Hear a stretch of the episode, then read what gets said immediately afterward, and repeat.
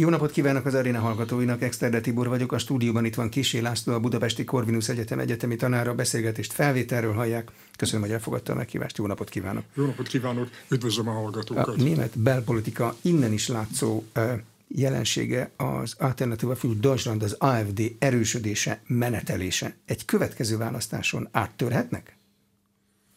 Hát az áttörést, ha, ha, ha arra gondolunk, hogy a kormánya kerülésnek milyen esélyei vannak, akkor azt kell mondani, hogy kevés országos politikát tekintve, de tartományi szinten jövőre három keletnémet tartományban is, Türingiában, Brandenburgban és Szászanhalban tartományi választások lesznek, és például Türingiában a legerősebb párt 34 kal Itt a nagy kérdés az, hogy a többi párt hogyan viszonyul, az AFD-hez. Jelenleg egy, egy tűzfal veszi körül, a pártok nem akarnak kooperáció a párttal, kooperáció lépni, de éppen a CDU-nak a vezetője, Friedrich Merz nyilatkozott úgy a nyári interjúban, nem is olyan régen, hogy kommunális szinten, tehát a községek szintjén gyakorlatilag lehet együttműködés, és tulajdonképpen a, amennyiben nyernek, és a másik nagy hír ugyebár az volt, ami a sajtót betöltötte, hogy Zoneberg nevezetű járásba a járási vezetői posztot egy, néme, egy AFD politikus nyerte meg, nem sokkal ezt követően polgármesterként egy másik AFD politikus járt sikerrel. Tehát azt kell mondani, hogy kommunális szinten a Merz szerint lehet együttműködni, tisztelni kell a demokratikus úton jött választási eredményeket, de ez sem olyan egyszerű, mert Merz a pártnak és a többi pártnak a haragját magára zudította, eme nyilatkozata után. Twittereznie is kellett, hogy a korábbi é, álláspontunk a szilárd, nem működünk az AFD-vel együtt. Most akkor együtt fognak vele működni, vagy nem? Hát azt kell mondani, a választ én úgy látom, hogy, hogy a együttműködésnek nincs realitása pillanatilag, tehát a hagyományos nagy német pártok mindegy ilyen tűzfal stratégiát folytatnak. Ugyanakkor egy olyan tendencia van, hogy az AFD nem csupán egy protestpárt, ilyen volt a Német Szövetségi Köztársaság háború utáni történetében NPD, a republikánusok, ezek hirtelen felfúvódtak, de nem értek el magas százalék számot. Jelenleg az AFD 23 százalék, ez a legfrissebb, és általában 19 és 23 százalék között mérik a második legerősebb párt jelenleg, és azt kell mondani, hogy ez már a néppárti nagyságrend, sőt azt lehet állítani, hogy Kelet-Németországban a AFD már egy néppárti nagyságot elért, és nemhogy nem protestpárt, hanem programpártá válik, éppen a jövő évi Európa parlamenti választások egy új Európa programmal fog majd előrelépni. Hát ez kidolgozás alatt van, és nagyon sok ö, provokatív, kihívó programpont van ebbe a programba, ahogy a legutóbbi párkongresszusokon ez napfényre derült. De ha protestpártból most alakulnak át programpártán, meg néppártá, akkor ez egy folyamatnak, az erősödés folyamatának a kezdete, vagy a vége? Hát azt kell mondani, hogy, hogy lényegében a kelet-német tartományokban ez a néppártá válás már azt kell mondani, hogy befejezett tény. Most számos jel van az, hogy a párt a nyugati tartományokban is teret nyer, tehát országosan is, de egyelőre a két folyamat között fázis különbségek vannak. Érthető, hogy a egykori NDK területén ez a párt később jött létre, és és hát Nyugat-Németországban a hagyományos, demokratikus hagyományos sokkal erősebben begyökerezettek, mint az NDK-ban. De a egykori NDK területén mi adja az AFD erejét? Milyen program, mivel szólítja meg az ottani embereket? Igen. Hát tulajdonképpen az AFD sikerének hát számos oka van, tehát egy okra nem lehet. Én talán három-négy fő szempontot kiemelnék. Az egyik talán az, hogy a német pártrendszernek van egy átalakulása, aminek az az egyik problémája, hogy egy reprezentációs rés van. Tehát a hagyományos nagypártok, a szociáldemokraták, a kereszténydemokraták, és így tovább, gyakorlatilag egy balra tolódás ment végbe. Ez már a Merkeli korszakban is erről itt is beszéltünk, hogy a CDU balra tolódott, és gyakorlatilag nagyon sok olyan állásfoglalás, vélemény, érték van a lakosságban, amit a politika nem jelenít meg. Hogy konkrétan mondjak erre egy példát. A migrációs krízisre két válasz van. Egyik válasz a Willkommenskultúr, tehát be kell fogadni őket, és meg kell menteni a világot. Mert meg tudjuk csinálni. Nincsen felső határ, ahogy a ö, német alkotmányban. A másik pedig, akik ez ellen vannak, azok a rasszisták. Na most rasszista és ö, Willkommenskultúr követő. Tehát a lakosság nagy része egyikkel sem akar azonosulni, ugyanakkor itt egy rés keletkezik, egy vákum, hogy ki képviseli ezt. És gyakorlatilag a migrációs kérdés volt ez, ami azt kell mondani, 2015-ben egyfajta politikai, konjunkturális tényező volt a AFD-nek, hogy gyakorlatilag felszaladjon, és 12 nál stabilizálták magukat. Most az elmúlt hónapokban gyakorlatilag megkétszerződött a pártnak a súlya. Tehát az egyik dolog az, hogy ez a reprezentációs rés van.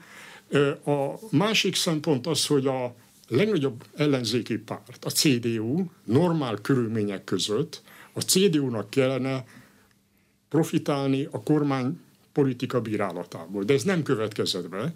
Ez azért nem következett be, mert a CDU azt a konzervatív fordulatot, amit Merkel távozása után a párt mostani vezetője Metz meg, me, meghirdetett, ez a fordulat nem ment végbe. De miért nem ment végbe? Most látszik, hogy történik valami, és ez a fordulatnak olyan elemei vannak, hogy a főtitkárt lecserélték, például a párt főtitkárát. A másik szempont az, hogy Merz úgy nyilatkozott, hogy, hogy a legfőbb politikai ellenfél a CDU-nak az a zöldek, ami az AFD-t illeti, AFD tulajdonképpen a demokratikus konszenzus keretein kívül van, így nyilatkozott Merz. Most készül a pártnak a alapprogramja, 2024-re készítik elő, itt a választások játszanak nagy szerepet, ahol tulajdonképpen a párt irányát meg kell határozni. De egyfajta megkésettség van, és hát Merkelnek a, a viszonyulása az adott helyzethez idáig meglehetősen ellentmondásos volt. Bírálja a ö, ukrán ö, menekülteket, akik a szociál turizmus kategóriájába sorol, ez történik délelőtt, délután visszavonja és elnézést kér ezért a kijelentésért. Tehát azt kell mondani, hogy rögtön a többi párt, vagy legalábbis a koalíció pártjai bírálják. Tehát gyakorlatilag a, a, a, a CDU-nak, mint fő ellenzéki pártnak ez a konzervatív fordulata meggyőzően nem ment végbe, és ez azt is mutatja, hogy a alternatíva Németországnak a tagjai között, képviselői között igen nagy számú az a volt politikus, aki korábban a CDU-nak a tagja volt. Miért nem tudott végbe menni a konzervatív fordulat? Nem látták azt a közönséget, amely erre vevő volna? Azt mondták, hogy a fiatalok biztos nem lesznek rá vevők, ezért nem lehet megcsinálni? Rossz volt a tervezés eleve? Tehát mi a oka volt annak, hogy egy elhatározott fordulat nem történt meg? Hát mindenkit azt kell mondani, hogy Merz azt ígérte, amikor hát mint pártvezetője programot hirdetett, hogy gyakorlatilag az AFD-nek a súlyát megfelezik. Akkor 12 százalék volt, és ez a érték, ez a támogatottsági érték stabilizálódott.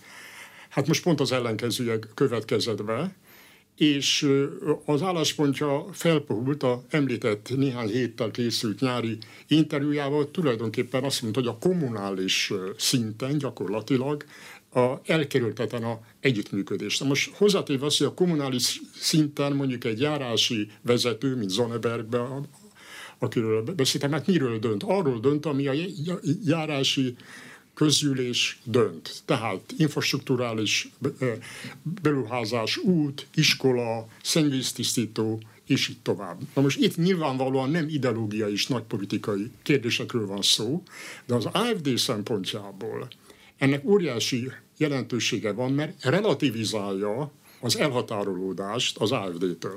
Tehát van már precedens, még a kommunális szinten is, és nem politikai, ideológiai kérdésekben. És azt kell mondani, hogy ez a fajta együttműködésre már több példa van, nem szándékoltan is. Például elég, ha azt mondom, hogy például Türingiában egy nem most, hanem másfél-két évvel ezelőtt miniszterelnök választása volt kísérlet, és az AFD szavazataival egy FDP politikus választottak miniszterelnöknek, megakadályozandó, hogy a baloldali tömbből kerüljön ki egy miniszterelnök. Merkel akkor éppen Dél-Afrikában volt, és ott a sajtóírtérkezeten úgy nyilatkozott, hogy ezt az eredményt semmisé kell tenni. Ez egy nagyon meggondolatlan kijelentés volt, mert hát egy, egy lezajlott döntés egy parlamentben, azt nem lehet semmisíteni. Tehát azt kell mondani, hogy itt kommunális szinten nagyon nagy probléma van, és lényegében a ö, AFD kommunális szinten is egy néppárti nagyságként jelentkezik, tehát ö, többségalkotás rendkívül módon ö, megnehezíti. Azt kell mondani, hogy a kelet-német tartományok nagy részében kb. 30%-os súlya van, Türingiában 34, és a potenciálja ennél még nagyobb. Tehát ez a második dolog, ami mondjuk az AFD-nek a térnyerését elősegíti, a, tehát a, a ellenzéki párt nem tudta kellően e, betölteni a szerepét, most késve próbál, a reprezentációs rész, tehát a, a mainstream fősodrú politika nem jeleníti meg nagyon sok embernek a véleményét, és akkor ö, ö, harmadikként még azt is el lehet mondani, hogy hát a koalíció teljesítménye. Tehát az a hárompárti koalíció, ami három ideológiai vércsoportból van, de különösen ebben a hármas együttesben az FDP a kakutojás, hiszen a FDP adott fel a legtöbbet a identitásából, mint párt, és tulajdonképpen neki kell, és öt tartományi választást elveszített, és az a dilemmája, hogy hogyan kell kormányozni nem liberális pártokkal, úgy, hogy közben önmagát is profilírozza. Hiszen az öt, öt tartományi választási vereség után erősebb arculatot kell adni a pártnak. Ennek következtében nagyon sok vita van a zöldek és a FDP között, és a kancellár Scholznak nagyon fontos szerepe van, hogy moderálja ezt a vitát, magyarul a koalíció egybe maradjon. Tehát tulajdonképpen a, a sok vita, egyet nem értés a koalícióba a választóknál csapódik le, és azt mondja, hogy nagyon sok olyan koalíciós döntés van, ami, hogy úgy mondjam, pestésen szólva, hát a biztosítékot kivágja, és, és mondjak egy példát, például egy épület energiatörvény, ez a hivatali németnek a szó szerinti fordítása, német szövegnek, hogy január 1-től például elhatározták, hogy minden új fűtési rendszernek 65%-ba meg nem újuló energiaforrás kell használni. Meg, Ez, megújulót? E, e, vagy, vagy meg nem újulót? Illetve, illetve megújuló energiaforrás kell Január használni. Tehát magyarul az olaj- és gázfűtést ki kell cserélni. Katonásan mindenkinek? Katonásan, hőszivattyú, és így tovább. Na most hát ez, ez a fajta, és ezt gyorsítva akarták a parlamenten átverni, és hozzá kell tenni azt, hogy jelentős kiadásokat jelent az embereknek. Ezt puhították úgy, hogy 80 év felett maradhat a fosszilis még, és a parlamenti átverését a témának, hogy gyorsan ezt is lényegében a alkotmánybíróság közben iktatásával meg, megakadályozták. Tehát ez a téma is őszre megy. De mondjuk egy ilyen beruházás a családi költségvetésbe, ez rendkívüli problémákat jelent. Tehát sok olyan döntés volt, ami ilyen tekintetben a migráció is változatlanul ö, probléma. Németországban, és hozzá teszem az okok között, tehát azt kell mondani, egy gazdaságilag Németország a technikai recesszióban volt, soha ennyi adósság nem volt, tehát a országos szinten, kommunális szinten és tartományi szinten, plusz a ö, társadalombiztosítás ö, területén 0,2%-os növekedésre készülnek, de gyakorlatilag az IMF gyakorlatilag úgy, úgy ítélte meg, hogy gyakorlatilag nem lesz növekedés. Tehát gyakorlatilag míg a többi országban, Franciaország, Spanyolország, Olaszországban növekedés lesz, hozzá kell tenni persze a igazság hogy ennek a növekedésnek a fő forrása ezekben az országokban a turizmusból jön. Mhm. Ha az AFD kommunális, helyhatósági szinten koalíció képesnek bizonyul több helyen is, akkor ez felterjedhet szövetségi szintre, államvezetési szintre? Áttörik ezzel a tűzfal politikát?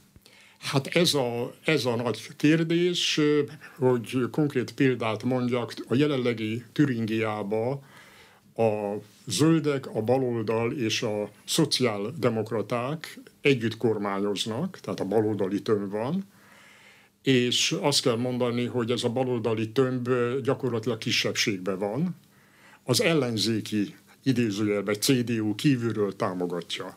Most azt kell mondani, hogy egyik probléma az, hogy ezek nagyon ingatag koalíciók, sőt, ha az az egyetlen szempont a koalíció képzésbe, hogy a AFD-t szigeteljük el, akkor nagyon sok kényszerkoalíció jöhet létre. Tehát olyan pártok kerülnek egy koalícióba, ahol nagyon sok egyéb természetadta különbség van a ideológiából, elképzelésekből a pártnak a pártok programjából következően. Tehát ilyen értelemben ez, ez nem a természetes fejlődés irányba menni. Most ha azt a forgatókönyvet vesszük alapul, hogy az AFD-nek ez a térnyerése 23 százalék, és hangsúlyozom, hogy programpárt és néppárt már e, irányába megy, sőt, ahogy mondtuk, a, a kelet-német tartományban ez egy befejezett tény, nyilvánvalóan a növekedésével országosan egy olyan helyzetet hoz létre, hogy mind nehezebb kormányzó többséget alakítani az AFD-vel szemben.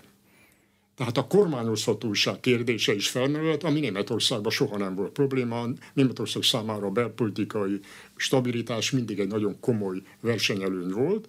Olyan körülmények között, amikor a gazdaságban is számos pont van, és itt hagyutaljak még talán explicitebb formában arra, hogy hát a nagy kérdés Németországnak a zöldítése, Németország átalakítása, az energiafordulat, ami óriási költségeket jelent, plusz infláció is van, ugyancsak 5, 5 körül van, de hát gyakorlatilag az a kérdés, hogy egy ökoszocialisztikus átalakítása a német gazdaságnak, tehát klímasemlegesíteni a német ipart. Hogy bírja a német ipar ezt ki?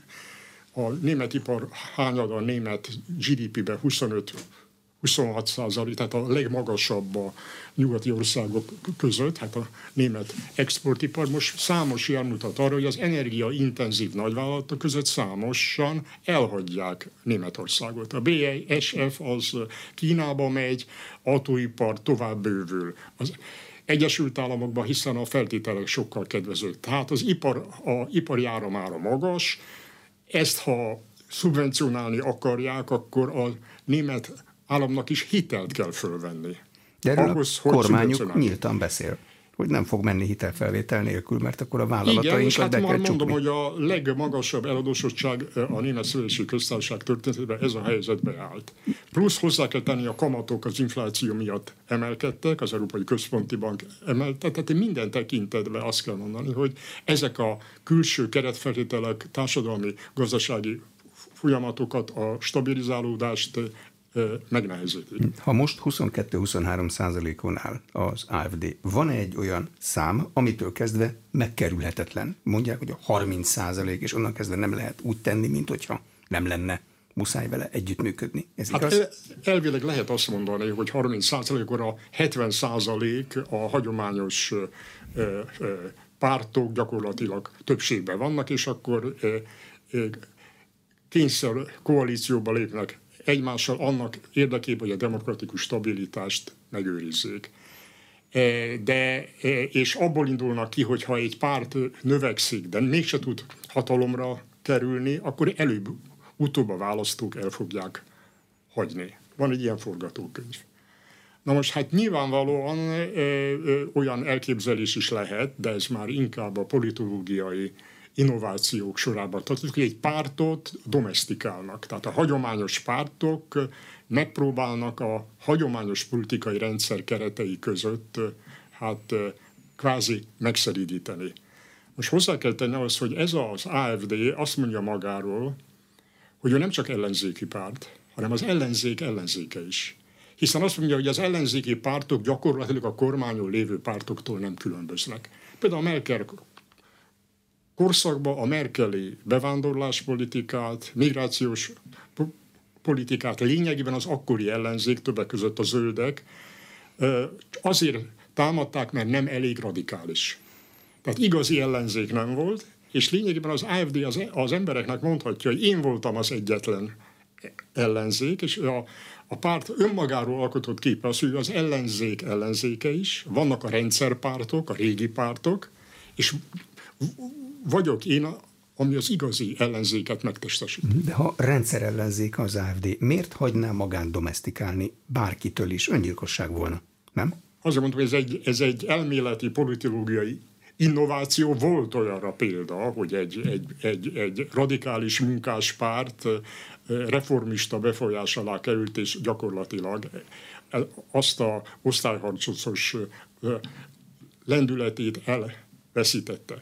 De hozzátenném még egy mást, hogy a német társadalom állapotáról is, hogy nem csak az AFD-ről van szó, hanem azt kell mondani, hogy a megosztottság a társadalomban rendkívüli módon ö, növekedett. Hát gondoljunk arra például, hogy olyan államellenes mozgalmak is megjelentek, mint a Reisbürgerek, Ezenek a vezetőit letartóztatták, bírósági eljárás folyik ellenük, azt készítik elő. Ezek gyakorlatilag abból indultak, hogy nem ismerik el az NSK létezését, a német állam létét. Ők a 37-es Hitler annexió előtti határból indulnak ki, nem fizettek adót, nem ismerték el a német alaptörvényt, a német alkotmányt, és így tovább. Tehát egy ilyen dolog is van.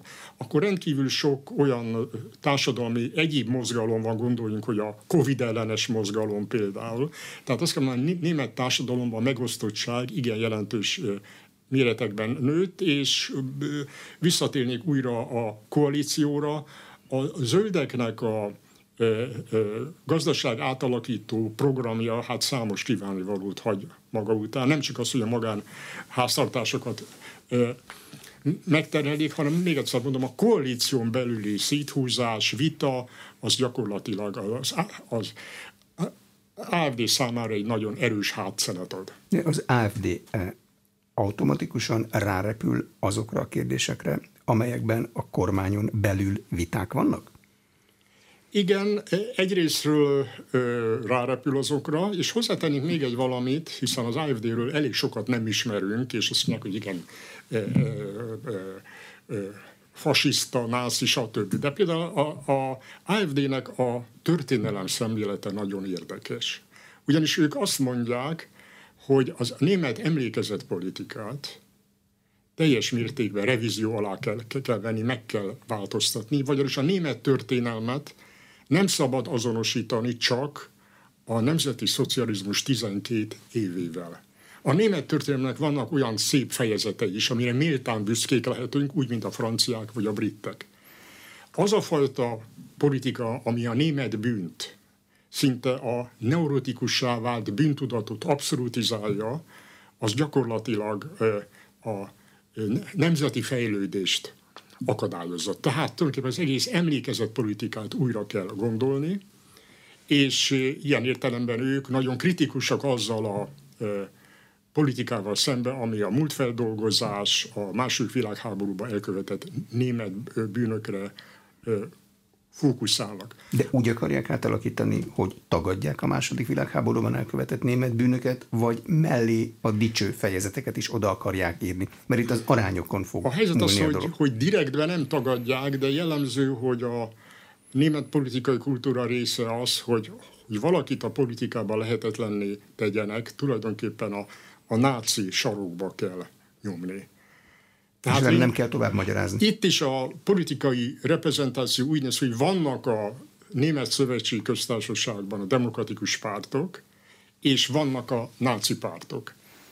Itt a kettő között a spektrumban nincs semmi. Na most például a AFD-t illetően a sajtó, ami nagy részben a zöldek befolyása alatt áll, gyakorlatilag azt figyeli, hogy a, hogy a AFD vezető pozitív, politikusának szóhasználatában mennyire tér vissza a nemzeti szocialista időknek a szóhasználata. És a mintákat keresnek benne? Mintákat keresnek, és ez egy újabb bizonyíték arra, hogy ez gyakorlatilag.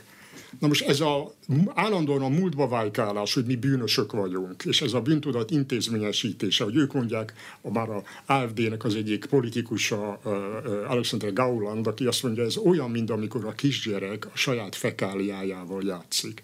Tehát állandóan a saját múltunkba. Na most ez, ez, egy, ez egy emlékezett politikai 180 fokos fordulatot kíván, és a német társadalom jelentős méretekben megváltozott, tehát lényegében új nemzedékek vannak, vagy mondok egy más szempontot, a bevándorlók. Nagyon sok oroszországi német a 80-as években azért vándorolt Németországba, hogy német lehessen. És hát lényegében miután ezek az emberek letelepettek, integrálódtak többé-kevésbé az új német társadalomban, gyakorlatilag azt tapasztalják az unokáikon, gyerekein keresztül, hogy bűnös nemzet vagyunk. Hamarosan jönnek következő évben az európai parlamenti választások. Az AFD-nek mi erre a programja? Hát igen, ez a program egy folyékony állapotban van, de következhetni lehet arra, hogy lényegében mi lesz a program. Nem régen volt, alig egy, még egy hete sincsen, Magdeburga pártnak a Európa program tervezetéről szóló konferencia, de a napirendi pontokat megfordították. Először lényegében a jelöltekről szavaztak, 30 jelöltre számítanak, és 15-öt megválasztottak. Nos, ami a programot illeti. Az Európai Unióról még nincs végleges kép, de nagyjából körül lehet határolni, hogy mit, mit gondolnak. Nem csak a mostani párkongresszus, hanem már a tíz éves előtörténete, illetve a tíz éves eddigi története is mondja.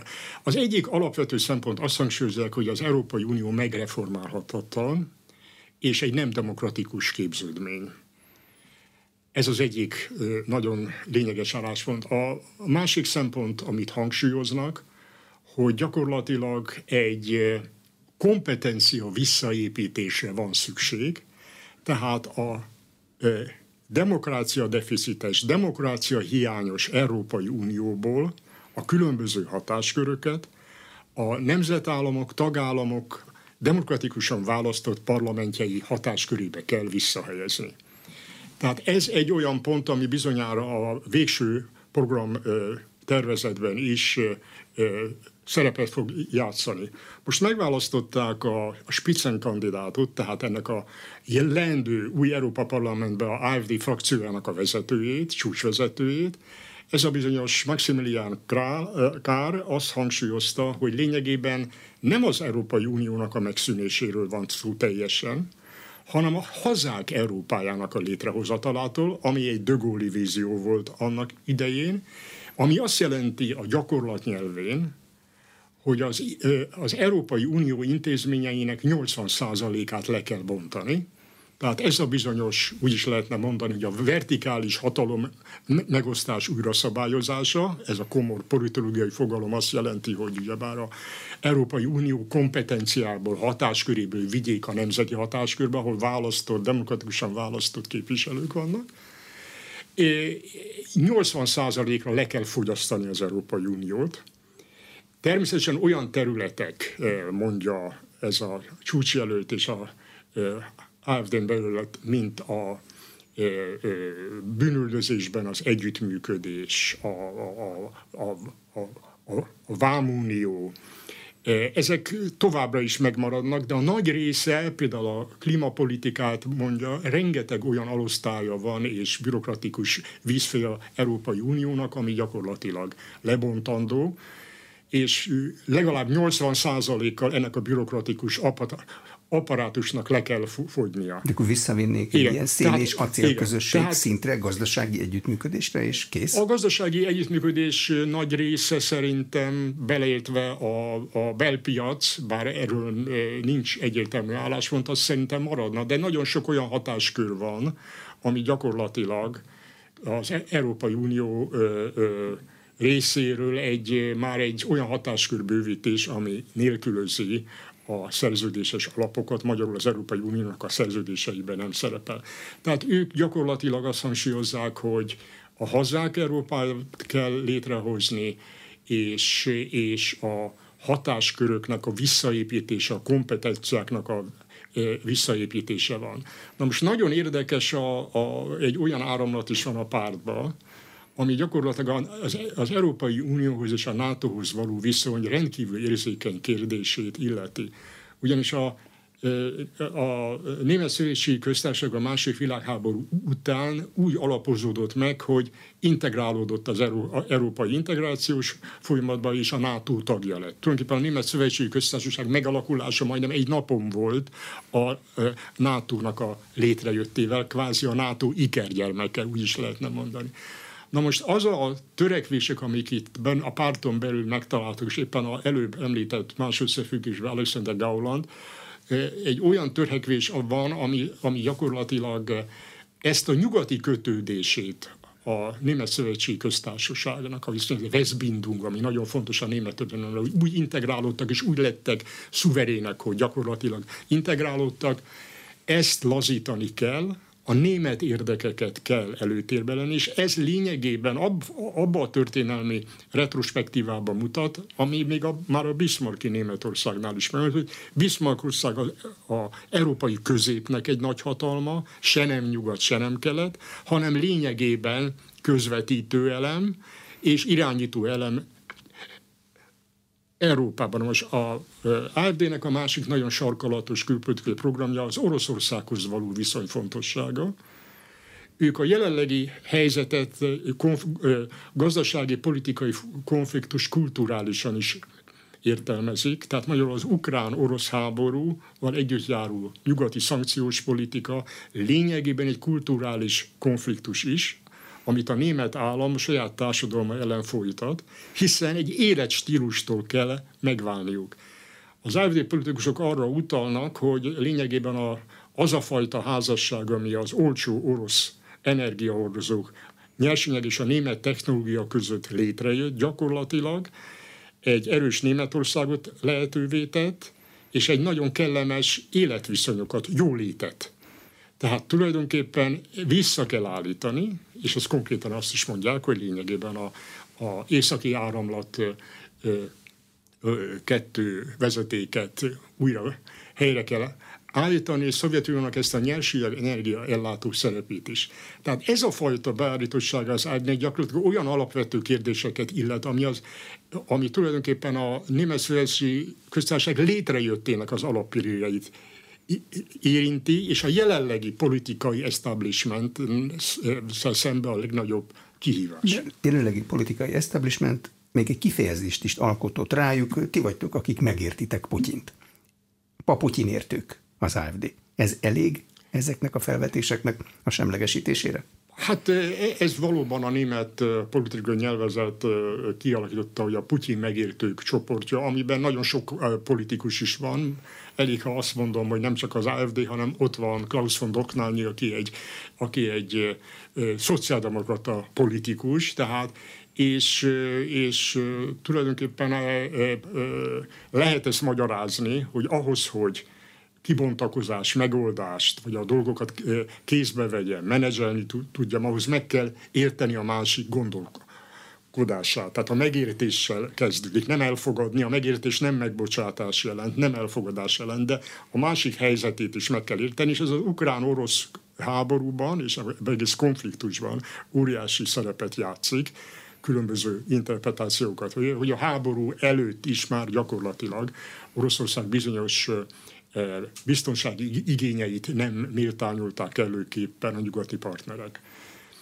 Tehát azt mondom, hogy ez az a terület, ami lényegében, hát ez az AFD-t lényegében a rendszeren kívüli pártá teszi. Innen még inkább érthető, hogy az ellenzék ellenzéki is, mert ezt senki nem mondja kicsipe, hogy a német politika, a német demokrácia, a német újrakezdés, ez a harmadik esélye Németországnak a 20. században, ez a NATO és az európai integrációs folyamattal nyílt meg Németország számára. De amikor az AFD a hazák Európájáról beszél, akkor ugyanazt mondja, mint amikor a szuverenisták azt mondják, hogy nemzetek Európáját kell felépíteni a föderalistákkal szemben?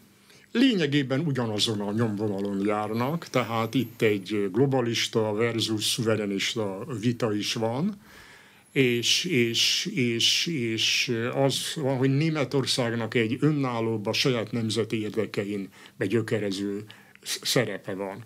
Ha már Klaus von Dochnányit említettük, ő például a könyvében, ami magyar nyelven is olvasható, világosan utal arra, hogy a transatlanti viszonyban az értékközösség van, és érdekközösség is van, de az értékközösség, tehát USA és mondjuk Nyugat-Európa, USA és Németország között nem jelenthet ér, mindenbe érdekközösséget. Tehát, hogy minden területen egyet értenek az érdeket tekintetben, az értékközösség lehet, de az nem egy az egybe minden területen való érdekközösséget jelent. Egy ország, ami 6000 kilométerrel van a európai kontinenstől, nagyon sok sajátossága van, és a csendes óceáni régiót tartja mindinkább a szem előtt, az másképp gondolkodik minden. Tehát gyakorlatilag itt ennek az AFD-ben is megjelenő gondolatom, ami nagyon radikális és szélsőségesen radikális, azért vannak tompított formában, hogy a német érdekeknek a hathatósabb képviselete, és hát Bismarcktól kezdve megfigyelhetjük, hogy az Oroszországgal való jó viszonynak azért komoly tradíciói vannak a német politikában. A következő fontos választás az az európai parlamenti választás, ott nagy mintás közvéleménykutatásnak is szokták mondani, egy ország, egy választókerület. Ennek az eredménye a közlekedési lámpa koalíciót megrendíteti. Sokszor jósolták róluk, hogy minden következő választás megrendíti, eddig ez nem történt meg. Hát tény az, hogyha az Európa parlamenti választásokon a, az AFD a térnyerését tovább folytatja, az mindenképpen, és ami azt jelenti, hogy Európa parlamentben a balliberális tömbben szemben az, ez az ellenzék megerősödik. Hozzáteszem azt, hogy a, az AFD lényegében az identitás mozgalomhoz akar csatlakozni, az Európai Parlamenten belül, ahol ott van az osztrák szabadságvárt, ott van a, a Rassemblement National, tehát a, a Nemzeti Tömörülés francia pártja,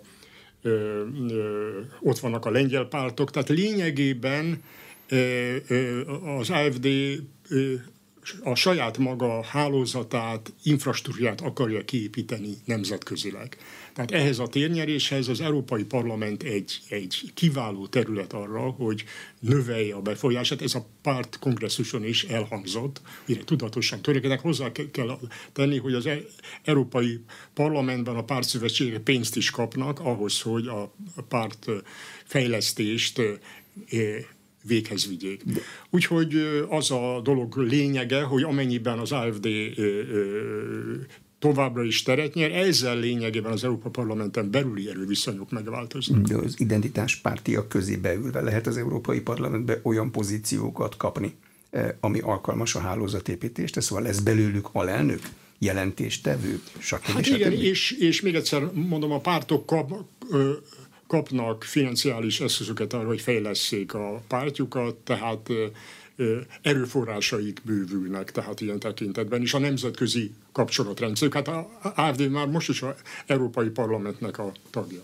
Na most hozzáteszem azt, mindez, amit elmondtam, hogy itt a program elkészítés kellős közepén vannak, sokfajta áramlat van az AFD-n belül. Hozzá kell tenni, hogy minden pártnál vannak belső megosztosság. Gondoljunk a zöldekre. A zöldeknél is voltak a, a fundamentalisták és a realisták. Ez a két, két vonulat. Na most a, a AFD-n belül is több áramlat van, de azt kell mondani, hogy van egy liberális gazdasági szárny a nyugati területeken, ennek egyik képviselője Jörg Majten volt, illetve a párt alapító egy Ben Rucke nevezetű hamburgi professzor, akik lényegében amikor megalakították a pártot, akkor a fő hajtóerő az, hogy a Merkeli alternatíva alternatíva nélküli euró válságkezelési politikával szemben egy alternatívát csináljanak. Az a fő dolog. Tehát ezek liberális emberek. Ez a gyakorlatilag ez a társaság eltávozott a pártból Jörg Moiten tavaly,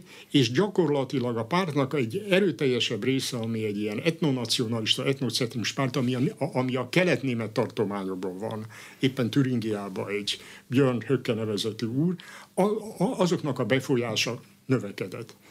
Na most itt van még egy másik kérdés, talán nem érintettük, de itt lábjegyzetben hagy mondjam el, hogy, hogy hogyan viszonyul hozzá a német hatóságok, alkotmányvédelmi hivatal. Kiadtak egy figyelmeztetést.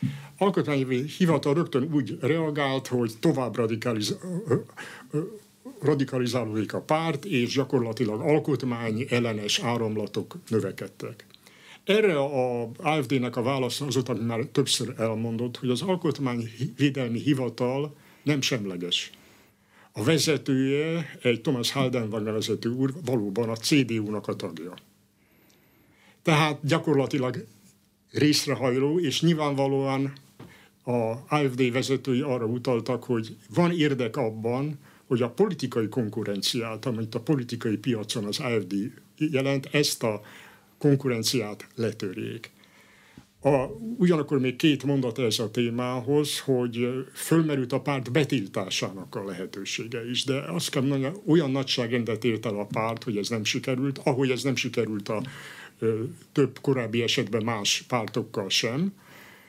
Tehát az bizonyítani, hogy egy párt tudatosan, célszerűen arra törekszik, hogy a rendszert megdöntse, és ne a, a német alkotmány keretein belül és a német parlamentáris keretek között dolgozzon, ennek a bizonyítása elég magas mércét jelent, és a hatalmon lévő pártok, illetve az ellenzéki párt, éppen Merz úgy reagált erre, hogy ez nem lenne megoldás, ahogy mondottam, hogy kommunális szinten elért eredmények a demokratikus választás eredményei inkább gyakorlatilag a vitákat kell tovább folytatni. Tehát azt kell mondani, a német Bundestagban még harciasabb viták lesznek, ezután, mint eddig voltak. Európai parlamenti választás Németországban a jelzőlámpa koalíció bukásához elvezethet?